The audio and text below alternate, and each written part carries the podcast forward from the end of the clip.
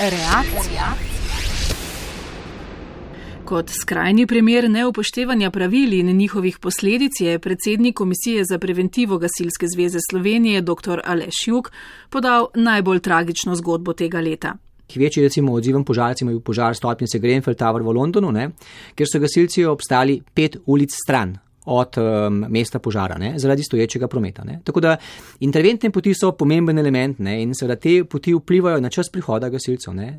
Vsaka minuta, ki je zamujena, pomeni, da, seveda, da se požar razvije toliko bolj, ne, ali pa da imajo gasilci torej, in, in osebe v stanovanju toliko morda manj šans za varno rešitev. Ne. Tako da zaradi tega so te poti tako pomembne. Ne.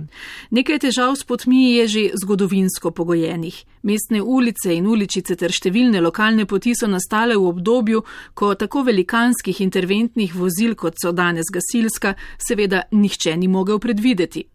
Večina težav pa vendarle nastaja zaradi nepremišljenosti, lenobe, brezbrižnosti osebnih interesov ali udobja lastnikov osebnih vozil, smetnjakov, cvetličnih korit, količkov verik in kar je še podobnih ovir, ki onemogočajo hiter dostop gasilcem, reševalcem in drugim interventnim službam. To pomeni, da seveda rabijo do objekta dlje časa, ne?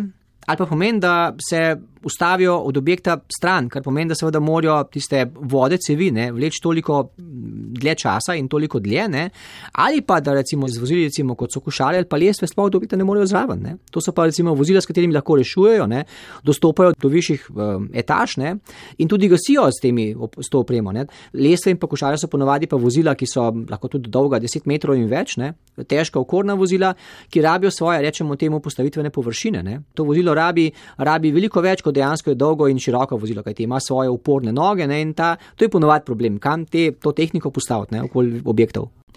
Zelo natančne evidence za celotno državo sicer ni. Sogovornik pa ocenjuje, da so na tak ali drugačen način težave pri dostopu pri vsaj polovici vseh gasilskih intervenc. Izguba časa je velikanska. So recimo bili primeri v Ljubljani, ko so morali gasilci z macolo ne, razbijati betonske stebričke. Ne. To pa je lahko recimo tudi deset in več minut. Ne. Si morate pa zamisliti, da dejansko za vozilom, ki je prvo, ne, čaka cela kolona, temu rečemo, cel vlak gasilskih vozil, ki potem dejansko nikamor ne more. Ne. In seveda gasilci čakajo, ampak res nič ne more narediti. Tudi če gre enote naprej peš, ne, rabi svojo opremo, rabi tehniko, rabi vozilo, ne, ki ima črpalko, ki ima vodo, ki ima cevine. Če ni vozila, ni, ni reševanja.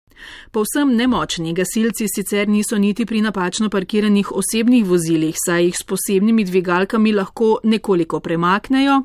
Ampak spet, torej, rabimo čas, ne? recimo, da na avto premakneš na neko mesto, rabiš recimo vsaj pet minut ne? in rabiš štiri gasilce, ne? ki bi lahko takrat nekaj drugega počeli. Ne? Tako da bom rekel, gre torej za, za čas, ne? opremo in možno, ki ima neko drugo funkcijo, ne pa da takrat pomika vozila. In seveda, kot pri vseh vrstah pomoči, je vsaka minuta še kako pomembna. Mi torej vemo, da recimo nekako je požar polno razvit v času, lahko tudi do petih minut, ne? od tam naprej pa se materialna škoda enormno povečuje. Ne? In če seveda zdaj je enota tam toliko in toliko minut poznaje, ne? pomeni, da bo škoda večja.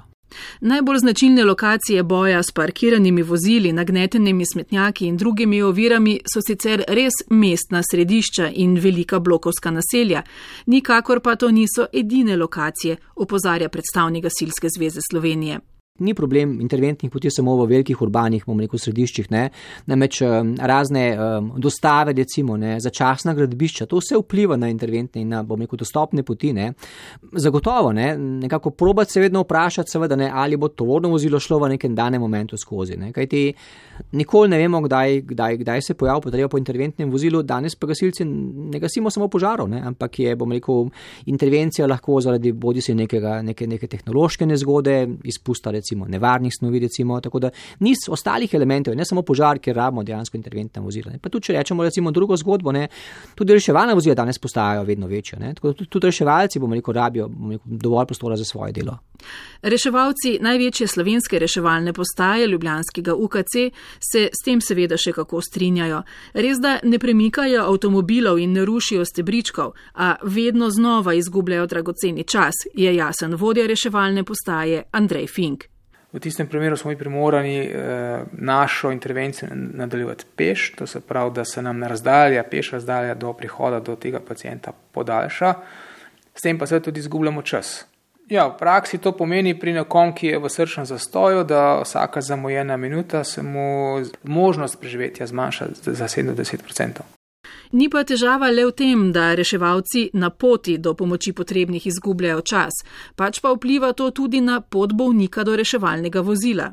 Da, veste, če je zunaj slabo vreme, če pada dež, potem uh, moramo potem ali prenesti ali pripeljati pacijenta na dežju, uh, poskrbeti za dodatno zaščito, in v bistvu to ni prijetno ne za nas, ne za samega pacijenta.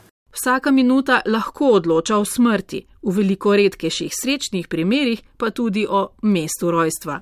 Iskala smo dostop do nekega stanovanskega naselja, vse je bilo zaparkirano, iskala smo obvozne poti eh, in potem je to tok časa trajalo. Oziroma se tako se je zgodilo, da je potem voznik poskušal prevoziti zelenico in je na koncu ustal eh, v tisti travi, ker enostavno se je vozilo okopalo. Jaz sem moral potem z vso opremo iti peš. Preden sem prišel do stanovanja, je to trajalo nekje 15-20 minut, v tistem času je zadeva toliko napredovala, da je edino to preostalo, da smo se pripravili in izvedli porod doma. Reakcija. In čeprav prost dostop do stavb dokazano rešuje življenja in premoženje, se v praksi stvari le počasi premikajo. Je za premike v glavah in ravnanju ljudi bolj smiselno kaznovati ali je pametneje vso energijo vložiti v ozaveščanje? Akcije kaznovanja imajo nek določen učinek, ne? recimo zahodni svet, recimo ZDA, recimo eh, Velika Britanija, ne? tam, tam je eh, torej, kazen zelo visoka in tudi zelo resno te poti čistijo. Ne? Drug pomemben element je pa ozaveščanje in nekako vključevanje lokalne skupnosti. Ne? In v Sloveniji imamo primer, recimo, lahko ga izpostavimo, Škofje Loke, ne? kjer je gasilska enota z rekel, sodelovanjem z mestnim redarstvom, policijo in lokalno skupnostjo ne? uspela dobiti na svojo stran stanovalce, ki imajo interes, da se te poti označijo, kar je, bom rekel, prvi element, ne? in tudi da te poti ostajajo vedno prehodne. Tako da imamo tudi pri nas dobro prakso ne, in jo je zagotovo za upoštevati in za uh, slediti. Svetuje dr. Juk in včasih so pri zagnanosti v pomoč tudi gasilci. Včasih zaleže šok terapija, ne, ko enota dejansko naredi neke vrste štih probo, se pripelje z vozilom in sproži sireno. Ne. In uh, ponavadi ravno tisti preteče, prav vse samo danes je, ne, ali pa samo teh pet minut je, ne, čeprav vemo, da ta avto tam stoji zelo pogosto. Tako da včasih je malo nerodno, pogosto zaleže, pa tam ne parkirajo več, če pa ne, pa to ponovimo. Ne. Toda, kot opaža sogovornik, včasih ne gre za nič drugega kot za to, da ljudje vse merijo z očmi voznika osebnega vozila in ocenijo, da je prostora dovolj. V resnici pa desetmetrski tovornjak z opremo nima nikakršne možnosti, sploh ne na zavojih.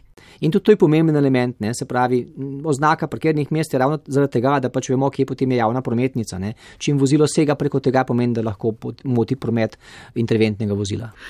Označbe so najpomembnejše, ne le tiste tik pred stavbo ali blokom, pač pa že vse od glavnih cest. Andrej Fink z reševalne postaje ob tem povdarja, da iskanje kakršnih koli drugih rešitev ni smiselno.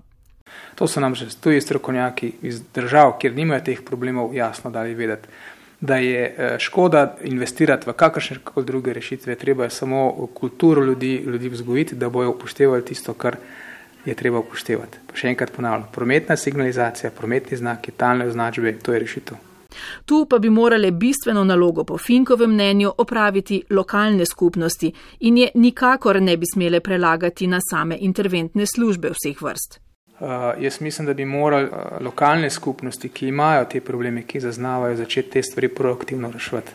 Ne da se breme tega, veste, prenaša. Nas mi dejansko v situaciji, ko je potrebno, nimamo časa Eh, razrešiti takšne eh, ovire. Eh, občasno pa zaznavamo ravno to, da poskušajo ne, oni to rešiti na takšen način, da postavijo neko oviro fizično, dajo tja obešen, ko nam pošljajo ključ in rečejo, no zdaj smo pa rešili naš problem. Ne, mi z enim ključem ne rešujemo ničesar, ne, mi lahko na koncu postanemo ključari z šopom ključev po vrševalnem vozilu mi bi morali ravno to doseči, kar sem prej rekel. Ne? Upoštevanje talnih označb, upoštevanje prometnih znakov in se zavedati, da če danes ne rabim ali pa ne rabi te naše pomoči, bo se mogoče jutri. Reakcija. Ob vseh naštetih opozorilih pa velja znova spomniti, da je pomemben del učinkovitih intervencij tudi prevoznost glavnih prometnic. In tudi reševalci in gasilci so bili med tistimi, ki so že nekaj let opozarjali na nesmiselnost zakonodaje, ki ureja, kako naj se vozila na cestah, predvsem na avtocestah in hitrih cestah, umaknejo za čim lažji prehod intervencijskih vozil. Doslej je namreč bilo zaukazano, da sme vozilo le do označbe desnega roba vozišča in da se kršitev tega, torej umik vozila na odstavni pas, lahko kaznuje tudi s 300 evri. V praksi se je izkazalo, da je tak prehod med dvema vrstama vozil pogosto preozek in konec septembra je le bil sprejet popravek, zato je zdaj pravilo drugačno. Eh, odslej lahko vozniki zapeljejo čez robno črto, vozniki, ki so svojimi vozili na levem prometnem pasu čez levo robno črto, skrajno levo, koliko pač omogoča. Eh, ravno tako na desni strani vozniki lahko zapeljejo čez robno črto, kar vključuje tudi odstavni pas. Sprosti se več kot dva metra dodatnega prostora, kar bi zagotovo moralo zadoščati tudi za večja vozila, se pravi za tovorna vozila, ki jih uporabljajo gasilci in pa tudi za večja reševalna vozila. Je spremembo zakonodaje razložil Robert Grill, vodja sektorja za vozniške izpite pri Agenciji za varnost v cestnem prometu. Tako navodilo velja seveda za avtoceste in hitre ceste. Za lokalne in regionalne, torej dvopasovne ceste, pa velja, Vsak voznik v smeri vožnja na svoj skrajni desni rob, se pravi tudi na bankino in da tako omogoči po sredini eh, normalen pretok intervencijskih vozil, kolikor bi tam prišlo do takšne situacije. In če je bilo doslej kaznivo zapeljati na odstavni pas, bo odslej prav nasprotno. Bo prekršek, za katerega predpisana globa, sedaj je bila globa, kolikor bi voznik eh, zapeljal na odstavni pas, razen v primeru ustavitve v sili. Eh, seveda bo pa ravno obratno.